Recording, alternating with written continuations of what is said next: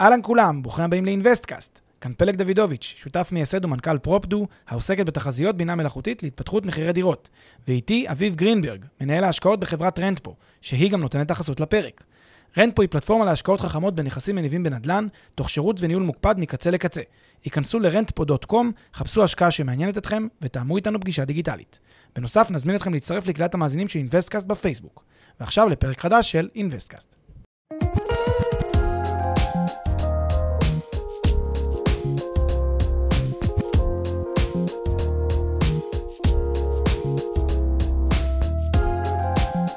אהלן פלג, היי, אביב, מה העניינים? מצוין, long time. long time בהחלט. היום אנחנו, השבוע, סליחה, אנחנו מוציאים את הפרק טיפה מוקדם יותר, ביום שלישי. בגלל יום הזיכרון ויום העצמאות. אז קודם כל, כמעט יום עצמאות שמח, גם לך, גם למאזינים שלנו. יס. היום אנחנו נדבר על איך מנתחים הזדמנות השקעה. ומה שנעשה, אה, נעבור שלב-שלב בתהליך איך שאנחנו רואים אותו, כן. והמטרה היא להתוות לכם, למאזינים, דרך מסודרת וסוג של צ'קליסט של דברים שצריך לבחון, שאם תעברו על כל השלבים האלה, אתם יודעים שיש לכם, כנראה בסבירות מאוד גבוהה, את כל המידע שאתם צריכים, שיהיה לכם, כדי לקבל החלטה. כדי לצאת לדרך. לפני כן, תזכורת, כנס זום אדיר על סקירת הכלכלה הפולנית, יום ראשון הקרוב, ה-18 לאפריל.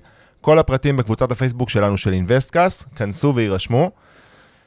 נתחיל? כן, מאוד מומלץ הכנס כמובן, ונתחיל. נתחיל בכיף. יאללה. אז בואו, יש לנו חמישה שלבים, איך שאנחנו רואים את זה, לניתוח אה, הזדמנות השקעה בנדל"ן. בואו רגע ניתן רגע את התרחיש. תן את- את הקונטקסט, כזה, את הקונטקסט. התרחיש הוא כזה, הקונטקסט הוא כזה. אתם קיבלתם מאיזה חבר, חברה, בוואטסאפ, במייל, אחי, שמע, יש איזו השקעה מטורפת, אתה לא מאמין, לוקחים בית אבות סיעודי, הופכים אותו לבית מלון בוטיקי, כל הדיירים שגרים שם היום יהפכו להיות אורחים קבועים במלון, עם תשואה מובטחת של 74 אחוז, ואני כמובן מקצין, אבל זה בגדול הסיפורים שאנחנו שומעים. זה בגדול ההזדמנות מה- שחיכינו לה. ההזדמנות. ההזדמנות שחיכינו לה, התשואות שחיכינו להם, החלום. ועכשיו בעצם עולה השאלה שכמעט כל אה, משקיע כזה ששואל את עצמו זה, אוקיי, מה אני עושה כדי בעצם להתחיל להבין איך להתמודד עם זה? מה השלבים שאני עושה? איך אני מנתח את ההצעה הזאת ומקבל מזה תובנות שהן תובנות אה, שעוזרות לי אם זאת השקעה טובה או לא, או לא השקעה טובה. ובפרק, כמו שאמרת, אנחנו נציג חמישה שלבים, כמו שאמרת, בצורה של צ'קליסט, אז אה, תנחה אותנו. אוקיי, שלב ראשון זה למעשה ניתוח השוק. ניתוח השוק, נכון. בשלב הראשון כשאנחנו מקבלים הזדמנות השקעה, לא משנה מה ההשקעה עצמה, לא משנה מה הרעיון שלה. השקעה בנדל"ן היא קודם כל השקעה בשוק, כן? שוק כלכלי, אנחנו עשינו על זה המון פרקים על איך מנתחים שווקים. אה, וזכרו שבסוף, נגיד קיבלתם ככותרת השקעה עכשיו באתונה, השקעה במדריד, השקעה בברוקלין, לא משנה איפה קיבלתם את זה, ב- ב- בשכונת הדר, בחיפה, לא משנה, קיבלתם איזושהי השקעה. קודם כל, דבר ראשון, לפני שאתם מתחילים להריץ חישובים בראש, דבר ראשון, השוק. מה עושים בשוק? בודקים את הנתונים הכלכליים של השוק, נתונים מקרו-כלכליים, נתוני צמיחה, דמוגרפיה, תוצר, תעסוקה, שכר, דברים כאלה ואחרים, שאנחנו מדברים עליהם המון.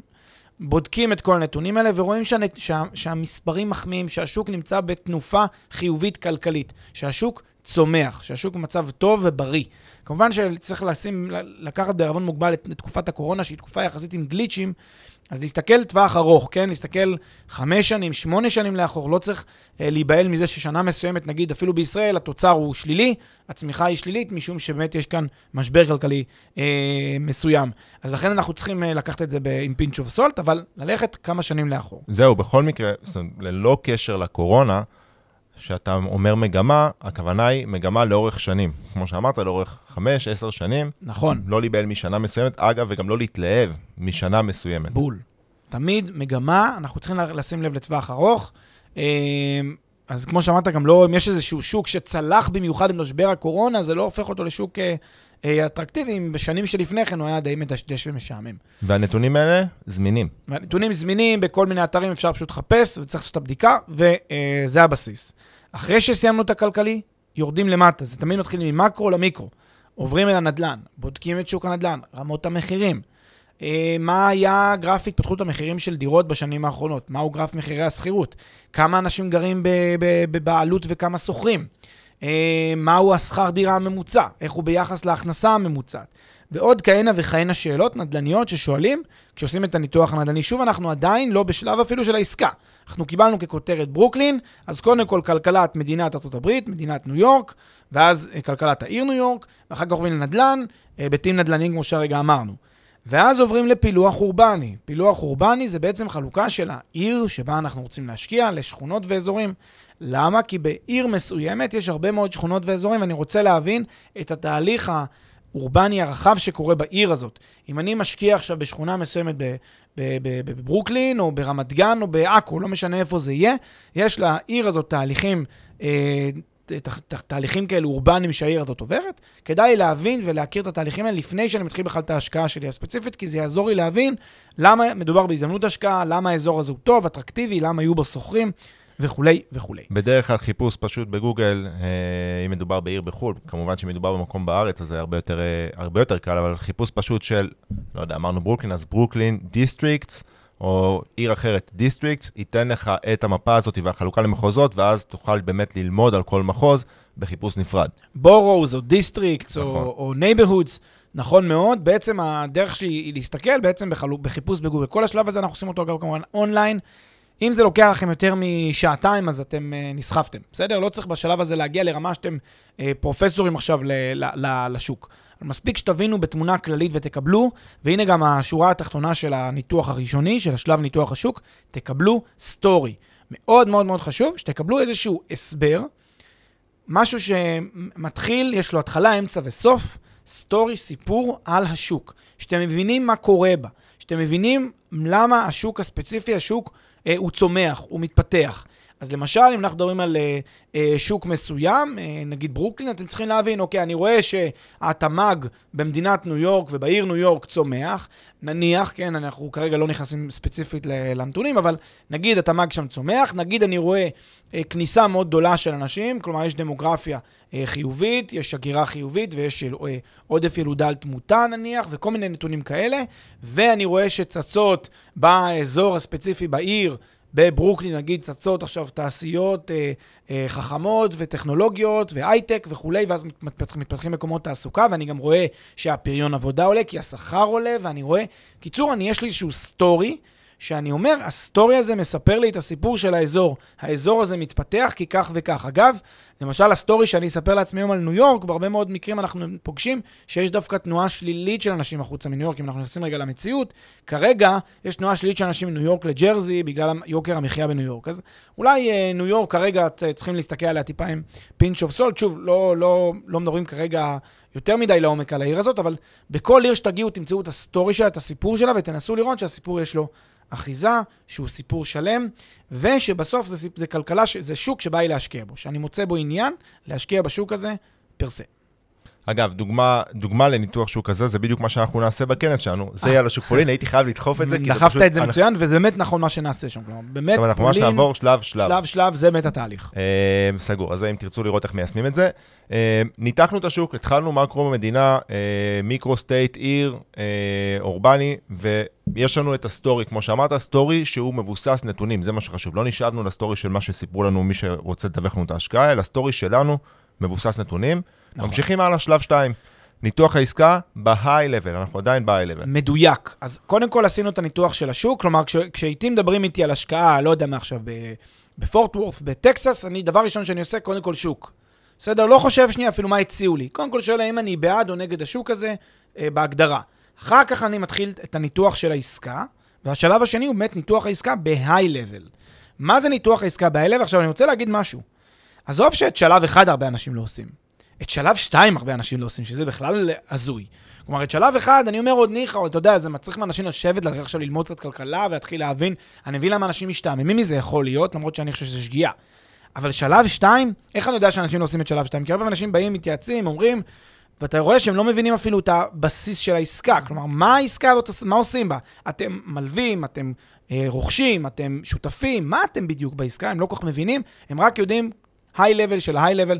אז, אז, וזה גם גם שלב לא... אחד וגם שלב שתיים, אני לא חושב שזה בגלל שזה משעמם אנשים, אני חושב שלהרבה אנשים זה נראה, ולא בצדק, זה נראה מורכב מדי. מפחיד, רתיעה. איך אני אבין את הנתונים האלה? ו- וזה כל כך לא ככה. כל כך זה לא כל ככה. כך פשוט. נכון, באמת צריך נדל"ן כמה זה- שעות, זה הכל. נדל"ן זה מאוד אינטואיטיבי. נדל"ן, כולנו יודעים נדל"ן, כי למעשה כולנו גרים בבתים. אז כולנו יכולים להבין נדל"ן. כולנו יכולים להבין מה המשמעות של אה, מדד חינוך כזה או כזה, מה, מה, המשמעות של שכר אה, ממוצע, מה המשמעות של אה, שכר דירה. אנחנו מבינים את זה. אנחנו חיים את השוק. ואנחנו גם כן. לא לבד, יש קהילה, יש את הקהילה שלנו של אינבסטקאס, יש הרבה פורומים אחרים, תתייעצו, אתם לא יודעים איפה למצוא אה, נתונים, יש המון אנשים שכבר עשו את הדרך הזאת. פנטסטי. מסכים אז- מאוד. אז בואו נרד לניתוח. העסקה היי לבל. פיתוח העסקה ב-high-level. אז קודם כל אני צריך לשאול את עצמי את ה-obvious, מהי העסקה בכלל? מה זאת העסקה הזאת של ההשקעה? אוקיי, אני קונה בית אבות. מי קונה בית אבות?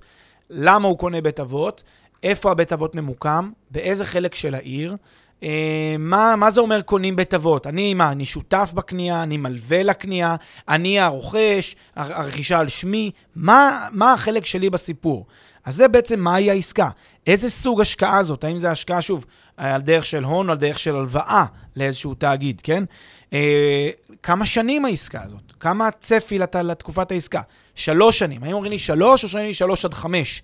ומה קורה אם יש עיכובים? אז האם זה יכול להיות להגיע גם לשבע? כמה תקופת העסקה? האם, מי מחליט כמה זמן העסקה? האם אני, האם אני רוכש נכס? יכול להיות שהנכס הוא בכלל על שמי. אם אני רוכש את הנכס, את הנכס על שמי, אז אני מחליט כמה שנים העסקה, ומה, מה, מה, איזה סוג, איזה סוג נכס אני קונה, כן? זה גם חשוב לדעת מה בדיוק אני קונה כאן ומה בדיוק ההשקעה שלי.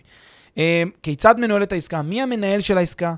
אה, איך מבוצע ניהול העסקה? האם הוא דואג להכל A to Z? האם חלק מהדברים נשארים עליי? הרבה אנשים קונים איזושהי, איזשהו נכס, ואז אחרי שהם קונים, לך תדע, הם לא יודעים מי מנהל להם, מי מתחזק להם, הם צריכים אחר כך להתחיל לדאוג, לא תמיד הם רוצים את זה, ויש כאלה שהפוך, דווקא רוצים את העצמאות. אז שוב, מי מנהל, איך מנהל וכולי, מה תנאי הניהול. מהו מסלול הכסף? אוקיי, אז אני עכשיו נכנס לעסקה. כמה כסף אני צריך לשים? באיזה שלבים אני צריך לשים את הכסף? מתי כסף אמור להתקבל חזרה אליי, באיזה פעימות? באיזה שלבים? האם אני מקבל שכר דירה? האם אני מקבל בסוף איזושהי... מה ה story של העסקה? מה הסיפור שעומד בבסיס העסקה הזאת? ועוד כמה דברים שהם אה, חשובים לגבי האנשים. אז בדרך כלל, אנחנו ממליצים פחות להשעין את ההשקעות שלנו על אנשים. אה, אני יודע שאנשים משקיעים באנשים, ואנשים נוטים להאמין באנשים, וזה בסדר גמור שאתם, יש לכם אנשים שאתם סומכים עליהם, וזה אחלה. אם יש לכם אנשים שאתם מוצאים אותם כאיכותיים, אמינים, ישרים, מצוין, טוב שתלכו איתם. אבל, אל תשעינו את העסקה שלכם רק על האנשים. אתם צריכים להבין שהעסקה הזאת יכולה להסתדר גם טוב מאוד אם האנשים האלה לא יהיו. לכן, אה, זה, זה כהמלצה כללית, ולכן לא כדאי ללכת להשקעות שיותר מדי, הבן אדם הוא יותר מדי דומיננטי שם. כדאי ללכת להשקעות שהן יותר השקעות שוק ופחות השקעות שהן השקעות מבוססות אנשים. אבל, with that being said, עדיין אתם רוצים לשאול את עצמכם, אוקיי, מי האנשים של ה- שמנהלים מנהלים את העסקה? מי, איך, אני, איך הגעתי אליהם?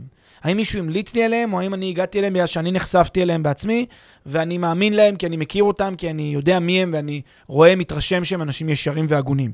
מאוד מאוד משנה, כי אם מישהו המליץ, לא בטוח שההמלצה שלו היא המלצה אותנטית. אתם יודעים שהרי הרבה מאוד מהממליצים האלה, זה חבר מביא חבר כזה, או מישהו שמתוגמל, לכן ההמלצות האלה לא תמיד הן אותנטיות. צריך לשים לב בדיוק מה, איך הגעתי אליהם, ולוודא שהגעתי לזה בצורה אותנטית מספיק, ושזה מספיק ישר והוג- והוגן, ושאני גם מכיר את האנשים האלה בעצמי וסומך עליהם. זהו, אני רוצה לדייק יותר את השאלות ש- אה, ש- ששאלת, כי אני קדימה. מסכים את ה... זאת אומרת, קודם כל, כולנו הולכים ב... זה, זה, זה אפילו...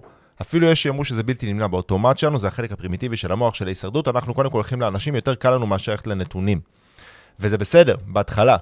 בחינה ראשונית באמת צריכה להיות שאנשים, אל תשכחו אחרי זה לבחון את הנדלן, את העסקה ואת הנדלן, כמו שאמרת. לגבי השאלות, אני רוצה להציע שאלות אחרות שטיפה, שיותר, אה, שיכווינו. חשוב אמנם לדעת מי המליץ לאנשים, אבל יותר חשוב זה, תעשו פשוט בירור על האנשים. תבינו מי הם, מה הרקע שלהם, אה, איזה עסקאות הם עשו ואיפה, האם הם באמת מכירים את האזור הזה. אה, תבקשו לדבר עם משקיעים אחרים ב, אה, אה, שעשו השקעות עם האנשים האלה, תקבלו שהם, תקבלו המלצות יותר אובייקטיביות. תוודאו שיש לכם את כל המידע שאתה צריך כדי להגיד, סומך או לא סומך על האנשים האלה. ואז תמשיכו לבחון את הנדל"ן. כן, יש בזה משהו אה, מסכים מאוד. אה, צריך להבין שאנשים זה לא חזות הכל. גם בן אדם מאוד מאוד ישר והוגן, יכול אה, שלא באשמתו שדברים לא יסתדרו. דיברנו על זה גם בפרק הקודם. אה, לכן, אה, אני בדרך כלל בעד להשקיע שוק ופחות להשקיע באנשים.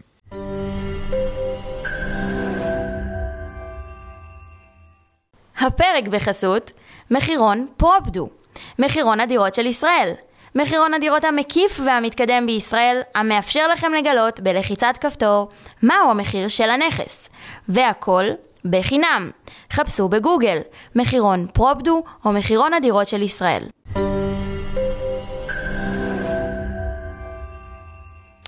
אוקיי, אז אמרנו את, אה, את השלב השני? שלב שלוש. שלב שלוש. הייתי צריך לעשות איזושהי מוזיקה לפני כל... תראי, די, שלב שלוש. אה, עכשיו אנחנו בוחנים את התאמת העסקה לפרופיל שלי כמשקיע, בחינה. שהיא יותר סובייקטיבית.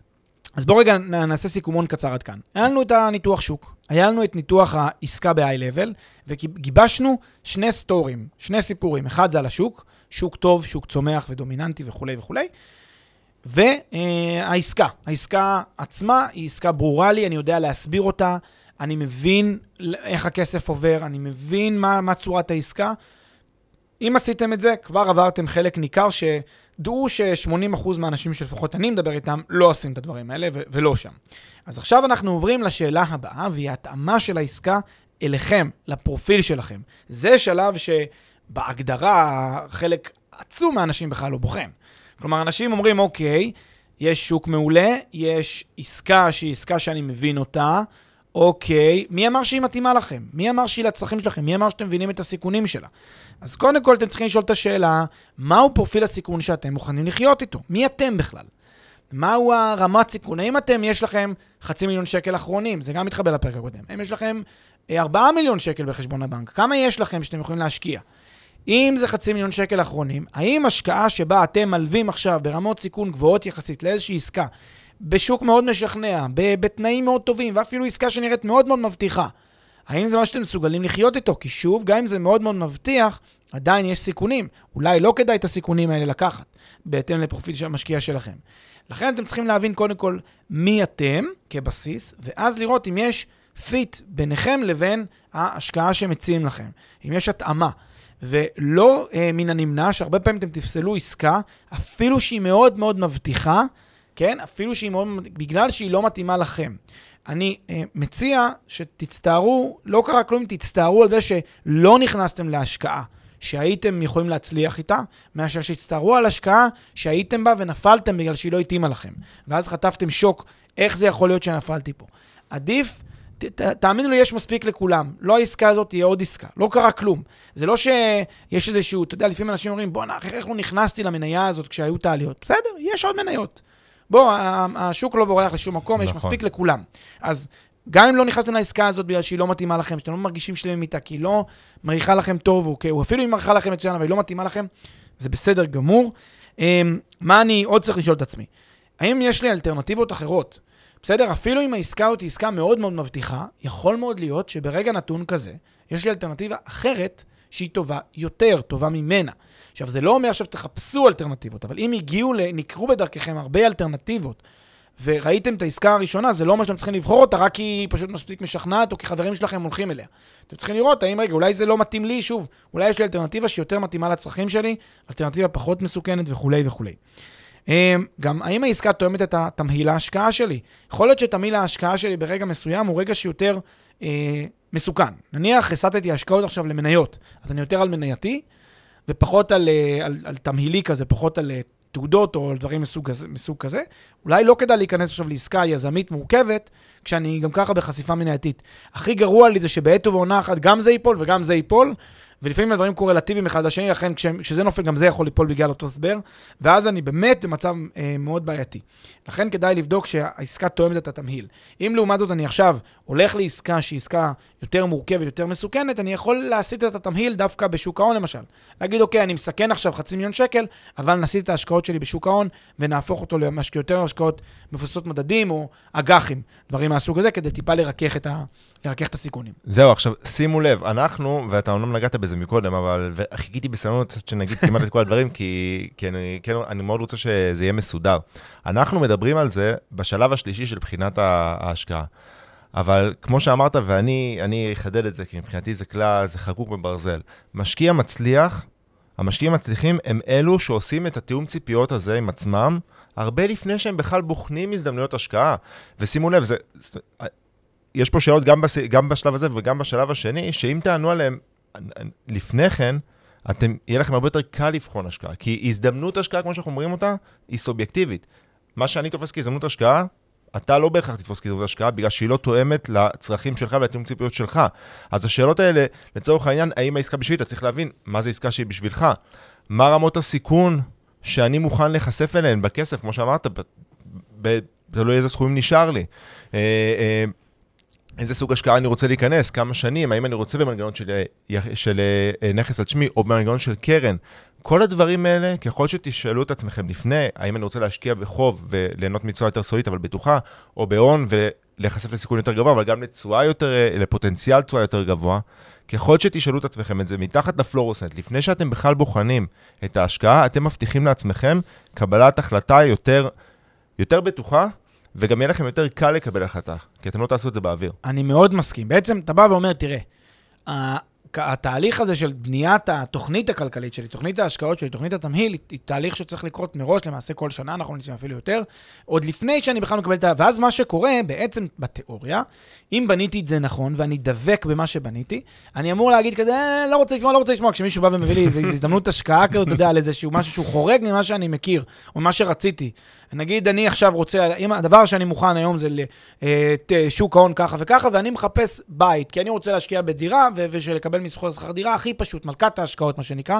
פתאום בא לי איזה מצגת, דיור מוגן בזה, אה, לא רוצה לשמוע, לא רוצה לשמוע, אני יוצא מעיניים. אז כן ולא, הק- אז- כן ולא, אז כי אז תחדד.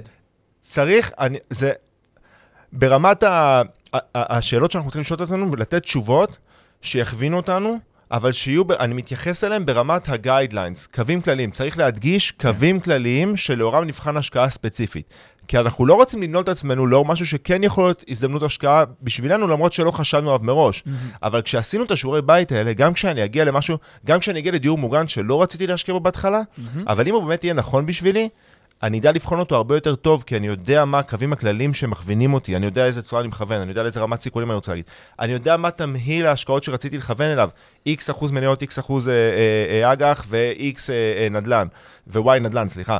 אה, אז יהיה לי יותר קל גם לבחון את הדברים שחורגים ממה שכיוונתי, שגם אותם צריך לבחון. מעולה. אבל יש לנו את, ה- את, ה- את אז הקווים בעצם הכלליים. התהליך הזה של שלב שלוש, אתה אומר, הוא שלב אה, שיש לי כבר guidelines קבועים מראש, קווים מנחים, ובשלב שלוש אני בסך הכל מוודא שההצעה הספציפית הזאת, ב high level שלה, תואם את ה guidelines שקבעתי. בול, מעולה. בול. משהו אח- אחרון שפה, קטעתי אותך, סליחה. לא, לא, אה, אה, אז- אדרבה, אני, הדבר האחרון שרציתי רק להגיד זה שקודם כל אני מסכים מאוד עם מה שאמרת, אה, ואני מאוד מצטרף לנושא ה guidelines.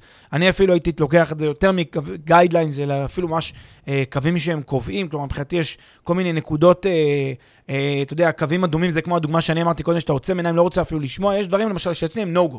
בהגדרה הם no-go, לא משנה כמה טוב זה יהיה, זה no-go. למה? כי אני יודע, למשל, זה, זה, זה, זה, זה גם מה שאמרתי בפרק ההוא שעשינו, על, על זה שיש עסקאות יזמיות. אז יש עסקאות יזמיות בוננזה, שיכולות מאוד מאוד להצליח. בגלל שאני יודע שאחת לשש, אחת לשבע, ריגרדלס, תיפול, אז לא בא לי, נגיד, להמליץ לחבר ללכת לעסקה כזאת. אני אומר לו no-go, בהגדרה, no-go. אפילו את הכסף שלי אני מאוד מאוד מאוד אזהר להשקיע בסוגים כאלה של השקעות, כי מבחינתי זה, זה קו אדום. אבל זה עניין של טעם, עניין של העדפה אישית, כי אני יודע מה הפרופיל שלי, ופרופיל של אנשים שאני גם מדבר איתם וממליץ להם. אז זה לגבי ההקשר הזה של זה, אבל דבר אחרון שצריך לעשות זה גם סימולציות תרחישים. מה זה סימולציות תרחישים? זה בעצם לבוא ולהגיד, שמע, ראיתי את העסקה, ראיתי את השוק, ראיתי את הכל, עכשיו אני בא ואומר, בוא נראה, מה יכול לקרות בעסקה הזאת, ואיך אני חי עם זה. נגיד הרווחתי 100% על הכסף, איך אני חי עם זה? וואי, מדהים, אני קונה עכשיו, אתה יודע, רכבי יוקרה, טס לחו"ל, חוגג, יופי. זה אם הרווחתי 100% על הקרן. מה קורה אם הרווחתי 20% על הקרן? אוקיי, הכל כרגיל בחיים. מה קורה אם אני break even על הקרן? וואלה, לא נורא, לפחות נשארתי מאוזן. אבל מה קורה אם הפסדתי 20% על הקרן, 30%, 70% על הקרן? איך אני חי עם זה? פה, כשאתם עושים את סימולת התרחישים, יהיה לכם הרבה יותר קל להסביר לכם האם העסקה הספציפית מתאימה לפרופיל שלכם. ואז אתם, כדי, כדי באמת לדייק את זה וכדי שזה יהיה יותר רציני, אז תוסיפו לסימולציה הזאת גם את ההסתברויות, כלומר, את הסיכוי שכל דבר יקרה, כל תרחיש יקרה. אם אתם עכשיו בדירה, ב, ב, ב, לא יודע מה, בכפר סבא, שאתם קונים דירה להשקעה, אתה, הסיכוי שתרדו למטה, שתפסידו ערך, מאוד מאוד מאוד נמוך. נכון שזה יהיה מאוד כואב, אבל הסיכוי מאוד נמוך. אבל אם אתם בעסקה יותר מסוכנת, אז הסיכוי הזה יותר גבוה. ולכן, כשאתם מצמידים לזה מה שנקרא תוחלת, מצמידים לזה גם את ההסתברות, פתאום התרחישים האלה נראים הרבה יותר הגיוניים, ובזאת נסכם את uh, התאמת העסקה לפרופיל המשקיע. סגור, אבל סימולציות תרחישים, אנחנו נדבר על זה בשלב הבא, זאת אומרת, זה יותר נכון לעשות את זה לצד המודל העסקי שאנחנו בונים, שנהיה מול הנתונים ממש, לא? אמ, זה נכון, אבל אני אומר עוד לפני שאתה יורד למודל העסקי, אתה צריך רגע להבין, אה, אתה, יש לך איזושהי עסקה שאתה רואה לפניך, ויש לך הבנה כללית של מהות העסקה, עסקה יזמית או עסקה מניבה, ישראל, חו"ל, איזה שוק, אתה כבר מבין את הדברים, אתה מבין כבר לבד את רמות הסיכון, כן? Mm. לא דינה של, לא דינו, אני אתן לך דוגמה, לא דינו של אה, להקים עכשיו מלון בוטיק ב-Fifth Avenue בניו יורק, במנהטן, כן? לשים אה, אה, מלון בוטיק שם, לעומת מלון בוטיק עכשיו באיזה עיירת נופש במדינת עולם שלישי באיזה. כן? בוא נסכים שאני מבין אינטואיטיבית שרמות הסיכון יותר עושה לי שכל, שרמות הסיכון יותר נמוכות בניו יורק מאשר במדינת עולם שלישי. כנ"ל לגבי דירה, לא דינה של דירה במרכז רמת גן לבין דירה במרכז אה, עיר פריפריאלית רחוקה שבה אין הרבה אה, שוכרים, כן? או ש... אז, אז אני מבין את רמות הסיכון, לכן אני עדיין עוד לא בשלב של המודל העסקי ויורד ממש לעומק הפרטים, עדיין בהיי לבל. עכשיו חשוב להגיד, קראת לזה צ'קליסט, ואני מאוד מאוד מזדהה עם הנושא שזה צ'קליסט, אבל אה, מה שבעצם, אה, התהליכים האלה הם תהליכים, אתה יודע, כזה, אתה צריך, אה, כל שלב אתה צריך לצלוח אותו. ויש במשפטים דבר כזה שנקרא חזקה ש, כן? כאילו, אני מניח ש... אז קודם כל אתם צריכים להניח שזה לא מתקיים, לפחות לדעתי. קודם כל אתם צריכים, צריכים לשכנע אתכם, בניגוד למה שהרבה אנשים עושים, צריכים לשכנע אתכם שעסקה היא טובה כדי שתיכנסו אליה, ולא הפוך. הרבה אנשים באים, שמעו מאיזה חבר שהוא נכנס לעסקה, אז הוא כבר מאוד מאוד אינטואיט. נכון. ועכשיו הרבה פעמים הוא מחפש, וזה גם גורם לו להתעלם מנורות אזהרה אדומות כאלה, והוא, כי, כי הוא נורא נורא נורא אינטו כבר הרעיון. פה אתם צריכים תמיד לבוא בגישה נורא חשדנית, להגיד מראש, אני לא נכנס. אני צריך לראות שגם יש לי ניתוח שוק שעבר מעולה, גם העסקה ב-high level עושה לי שכל, והיא, והיא, מת- ו, וגם העסקה מתאימה לצרכים שלי, כדי שאני בעצם אמשיך את השלבים, וכמובן גם יש עוד שני שלבים כדי לסיים את ה... את ברור. אמרנו, אגב, צ'קליסט, כי כס- כבוגרי תואר במשפטים אנחנו רגילים לעבוד עם צ'קליסטים. נכון. שלב 4, ניתוח העסקה לעומק. מה זה אומר? צלחנו את שלושת השלבים הראשונים, אה, ועכשיו אנחנו צוללים יותר לממש לנתונים של העסקה. כן. כאן אני רגע, לפני שאנחנו נתחיל את השלב השלישי. ונגיד, את הרביעי, סליחה, ונגיד בדיוק איך הוא עובד, נגיד רק דבר אחד, שפה זה כבר שלב שבו לא מזיק להיעזר ביועצים. לא חובה לכל השלב הזה, אבל אפשר להיעזר ביועצים שיעזרו לי, כי זה ממש ניתוח העסקה לעומק. שימו לב, אחרי שהבנתי את, ה, את כל השלבים הקודמים, עכשיו אני צריך משהו שיהיה הרבה יותר אה, ממוקד לעסקה ולמספרים של העסקה. ולראות שהמספרים עושים שכל והם נכונים והם המצגים מדויקים. אז מה אני עושה? צריך לבדוק את המודל העסקי. כן? לראות את נכונות המודל העסקי, נכונות המצגים במודל העסקי, שההנחות הן הנחות מספיק שמרניות וטובות. זה שהוא כתב שההכנסה תהיה 100 אלף דולר בנכס הזה, אולי זה לא הכנסה ריאלית לנכס, כי יש uh, נכסים בסביבה שהממוצע שלהם זה 85 אלף דולר. עכשיו, הרבה פעמים זה קורה לי שאני רואה שאנשים שמו במודל סכום גבוה יותר, מחיר גבוה יותר, הכנסה גבוהה יותר, כשבשוק המ- הממוצע הרבה יותר נמוך, ואז שואלים אותי, מה דעתך? אז אני אומר, תראה, אין פה כל כך uh, התאמה. הוא מבקש, הוא, הוא צופה פה הכנסה גבוהה יותר מאשר בשוק. אז הוא אומר, לא, לא, אבל הוא מסביר, אצלי ההכנסה יותר גבוהה כי אני יותר מומחה, אני יותר טוב, אני... אוקיי.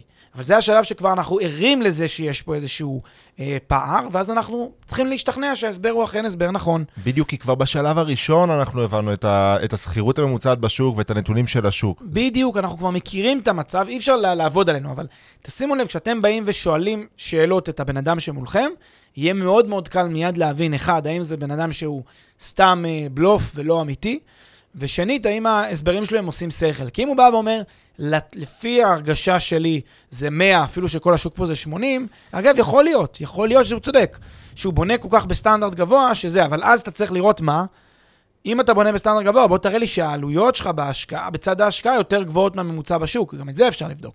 אז אני צריך לראות שההשקעה באמת, ושעלויות הבנייה שלקחתי מחיר בנייה למטר, כולל גמרים, הוא באמת יותר גבוה מאשר השוק, כי אני רוצה לראות סטנדרט גבוה. אי אפשר גם, אי אפשר, אתה יודע, לאכול את העוגה לשעות השלמה. מצד אחד שיהיה פה עלויות בנייה ו- ו- ו- וגימור נמוכים. ומצד שני, שההכנסה תהיה יותר גבוהה. לכן אני בעצם בודק את המודל העסקי. כמעט כל שורה בו צריך להבין שהיא באמת מבוססת על איזשהן הנחות הגיוניות, שהיא נכונה, שהיא עושה שכל. אה, מצגים, אני צריך לבדוק את המצגים שמוסרים לי, כלומר, מי בעל הקרקע, מהן הזכויות שיש, מה חלקו של כל אחד, איך עובד, תהל... איך עובד המסלול הכסף, שוב, מבחינת המצגים שלו, לראות שהוא הגיוני, שנפתח באמת חשבון נאמנות, על שם מי חשבון נאמנות, האם באמת הנאמן משמש כנאמן, כל מיני דברים שהם אפילו טיפה משפטיים, להבין באמת את המצגים ולראות שהם עושים שכל. שוב, יש פה הרבה דברים שאפשר להיעזר ביועצים, אני, אנחנו לא פוסלים כמובן. אה, בדיקות משפטיות, לבדוק את חוזה ההשקעה, את מסמכי השותפות, את uh, חוזה הרכישה, חוזה הניהול, כל החוזים של השירותים וכולי וכולי. צריך לבדוק. כאן באמת חשוב להיעזר, חשוב להיעזר בעורך דין מטעמכם או, או משהו כזה. Uh, בדיקה מיסויית לעסקה מאוד מאוד חשובה. בכל מקום שאתם עושים עסקת נדל"ן, חשוב מאוד להיעזר ביועצי מס ומתכנני מס. בין אם זה בארץ, בין אם זה אם אתם עושים עסקה בחו"ל, אז שיהיה פעמיים, גם בישראל וגם בחו"ל. יועצי מס שיעזרו לכם. בסוף, בסוף זכרו שתמיד כמשקיעים מעניין אותנו הנטו. הרי זה מה שמעניין. זאת אומרת, אנחנו תמיד, הרבה, הרבה מקומות, וזה בסדר גמור, כי אי אפשר גם להראות, אה, זאת אומרת, אי אפשר, הרי כל משקיע יש לו אה, אה, השלכות מיסויות שונות, אבל הרבה מקומות מראים לכם תמונה בצד הברוטו, לפני המיסים, לפני העלויות שונות, ואנחנו, הרי בסוף, זה אלטרנטיבת השקעה, אני שם את זה, אני שם את הכסף בערוץ הזה במקום לשים אותו בערוץ אחר, מעניין אותי כמה תשואה נטו אני אקבל, ולכן הבדיקה המיסויית היא, היא מאוד מאוד מאוד חשובה. הגדרת את זה סופר פנטסטי, בדיוק זה העניין. אנחנו רוצים לראות שה...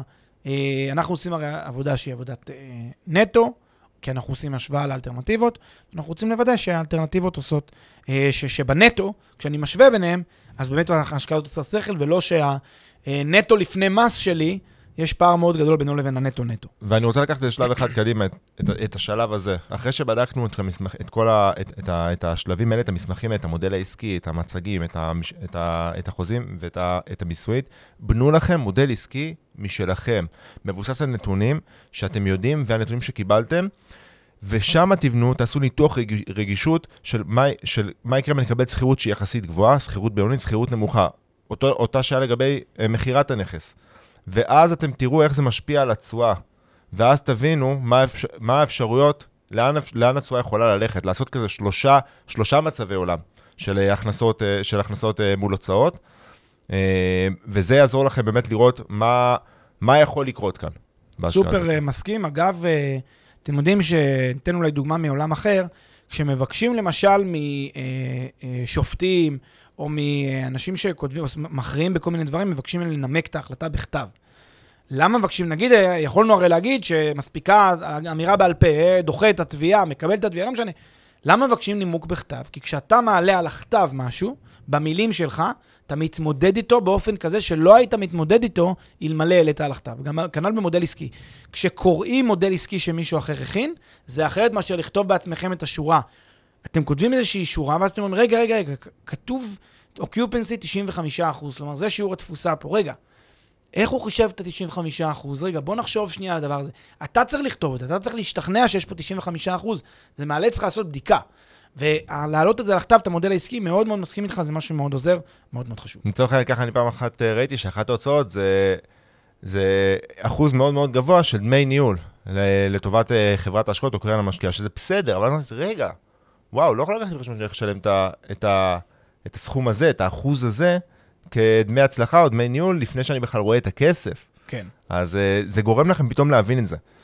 Uh, ונכון, בשלב הזה באמת מאוד כדאי, אם חסר לכם משהו, להתייעץ עם מומחים, אל תתביישו, מדובר פה בהשקעה, אל תחסכו פה uh, uh, כסף בדבר הזה. ואגב, לנו גם בקבוצת הפייסבוק יש כל מיני כלים שיכולים לעזור לכם לבנות את המודל הזה, כמו מחשבון ה-IRR וכלים אחרים.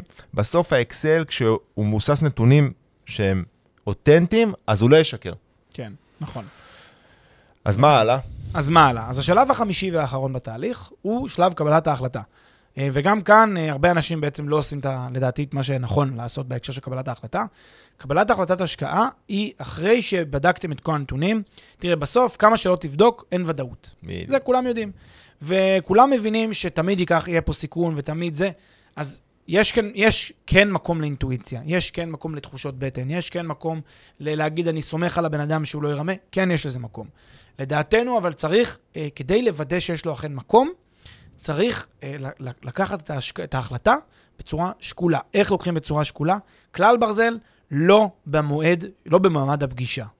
אף פעם לא במעמד הפגישה הראשונה שלכם, או כנס המכירות, או אירוע שאתם נפגשים עם מלא אנשים ויש לחץ. אף פעם לא שם. שם תמיד מקבלים החלטה גרועה. זה כמו שלא אה, מתגרשים, כן, מאישה, ב, אה, במהלך ויכוח, במהלך ריב. תמיד מחכים לבוקר, ואז רואים שבעצם הם מאוד אוהבים אחד את השני וממשיכים אה, לחיות באושר ובאושר. אז תמיד קחו נשימה, לא יקרה כלום, תחכו למחר. אם כל העולם, כל העולם ואחותו יסתער, ונסגרה לכם הדלת לעסקה הזאת, לא סוף העולם, אני אגלה לכם סוד, יש הרבה עסקאות טובות בנדל"ן, ולא ייג- לא ייגמרו לכם ההזדמנויות. תאמינו, יש יותר הזדמנויות מאנשים. בדיוק. אז, אז באמת, אה, לא צריך למהר, אה, קחו את העוד יום-יומיים, תחשבו, ותהיו שלמים עם ההחלטה שאתם אה, לוקחים. אין אה, שום לחץ. אז באמת לשקול את, לשקול את כל השיקולים, אתם גם אמורים להגיע לשלב הזה, שאתם אמורים, אתם תרגישו שבדקתם, תרגישו ש, שעשיתם את כל הבדיקות שאתם צריכים ויש לכם את המידע שצריך. אז נכון, מצד אחד, אם יש ספק, אין ספק, ובאמת, אם אתם מרגישים שחסר לכם משהו, אבל אני חייב להגיד משהו שהוא מהותי בעיניכם, אז תמצו את הספק ואל תמרו לקבל החלטה. אבל מהצד השני, אל תיתקעו יותר מדי. זאת אומרת, כמו שאמרת, אין, אף פעם אין 100% של ודאות. לא יהיה לכם אף פעם 100% מהמידע. ההחלטה תמיד תקבל באיזושהי מידה של חוסר ודאות. ולכן אתם צריכים לשאול את עצמכם, אם מה שחסר לי עכשיו זה משהו שהוא מהותי לקבלת ההחלטה, אם כן, אני לא ממשיך עד שאני לא ממצה את הספק, אבל אם זה לא משהו שהוא מהותי, זה משהו שתמיד יהיה לי, קבלו החלטה. בשלב הזה, זה נכון שזה יהיה, יהיה פה פן של אינטואיציה, אבל האינטואיציה שלכם היא מבוססת תחקירים, היא מבוססת מידע, היא נכון. מושכלת. ו- ובאמת בשלב הזה, זה שלב של איזון דק, עדין, בין, שני, בין כל הדברים שדיברנו. מצד אחד אני עושה החלטה אינטואיטיבית שמבוססת על דאטה, שמבוססת על ההיכרות שלי עם כל הדברים, אחרי שבדקתי וניתחתי, והשלמתי עם העובדה שאני מוכן ללכת לה- להשקעה הזאת, ושימו לב, אתם השלמתם כבר עם כל הנתונים. אז זה אינטואיציה חכמה, אינטואיציה מבוססת דאטה. מצד שני, זאת השקעה שאני יודע שיש בה סיכונים. ולכן אני צריך גם לא להיתקע מדי, גם לא יותר מדי, ל, ל, כמו שאמרת בדיוק, לא ל- כל היום לחשוב שיש ספק ויש ספק ולא לצאת. אז זה איזון דק, איזון עדין, ולצאת לדרך לבצע את ההשקעה, כמובן, כש, כששלמים עם זה, כשבטוחים בזה וכשמוכנים ל, ל, ל, לאתגר. יאללה, אז אלו, אלו היו uh, חמשת השלבים. כן. ששת השלבים, אני מוסיף את, ה, את השלב המקדים, ואני אעשה סיכום uh, קצרצר וקולע. שלב מקדים, זה תיאום ציפיות עם, עצלכ, עם עצמכם, לפני שאנחנו בכלל רואים איזושהי עסקה. לעבור על בכלל לא רק בנדל"ן, גם ב- בכל תחום. כל השקעה, כל השקעה. לעבור, כי בסוף הרי הנדל"ן זה השקעה, ואנחנו נבחן אותו מול אלטרנטיבות. כל השקעה, בשלב הראשון בכלל, מהו תמהיל ההשקעה, אה, אה, אה, תמהיל ההשקעות שאני מכוון אליו, מבחינת כמה אחוזים מהתמהיל שאני רוצה שיהיה מושקע באפיק הזה, כמה באפיק אחר, נדל"ן, שוק ההון, אה, אג"חים וכולי. אחרי זה, איזה רמות סיכון אני מוכן להיחשף אליהם בסכומים שאני מתכוון להשקיע בתקופה הקרובה? אה, אה, האם אני רוצה להשקיע במנגנון של קרן או מנגנון של נכסים על שמי? האם אני רוצה להשקיע, זה דווקא כנגזרת מרמות הסיכון, כ, אה, כחוב או כ, אה, כהון? סליחה, אבל ניצלתי פה יותר מדי לדברים, אז אני אתקן את עצמי. אחד, שלב אה, מקדים, אתם תראו את השאלות שאנחנו עושים, דיברנו עליהן בשלב השני והשלישי, שאותם אתם תשאלו את עצמכם כשלב של תיאום ציפיות. אחרי זה, כשיש השקעה ספציפית, אנחנו עושים את הניתוח שוק במקרו ומיקרו. שלב שני, ניתוח העסקה ב-high level. שלב שלישי, אני בוחן שהעסקה תואמת לפרופיל שלי לפי תיאום הציפיות שעשיתי בשלב המקדים. שלב רביעי, ניתוח העסקה לעומק, מדברים פה כבר על מודל עסקי, בוחנים את כל הנתונים לפי המידע שכבר יש לנו מהשלבים שלפני זה. ושלב חמישי, יאללה, קבלו החלטה ותתקדמו. לגמרי. זהו, אז זה היה, זה היה אה, אה, השלבים שלנו ל, אה, לניתוח הזדמנות השקעה בנדל"ן. נשמח לשמוע אה, איך, מה אתם חושבים על, ה- על השלבים האלה, דברו איתנו בקבוצת הפייסבוק שלנו. אם יש לכם איזה שהן התלבטויות, גם תשתפו אותנו, זה מאוד כיף לנו לשמוע איך זה נראה מהצד שלכם. לגמרי.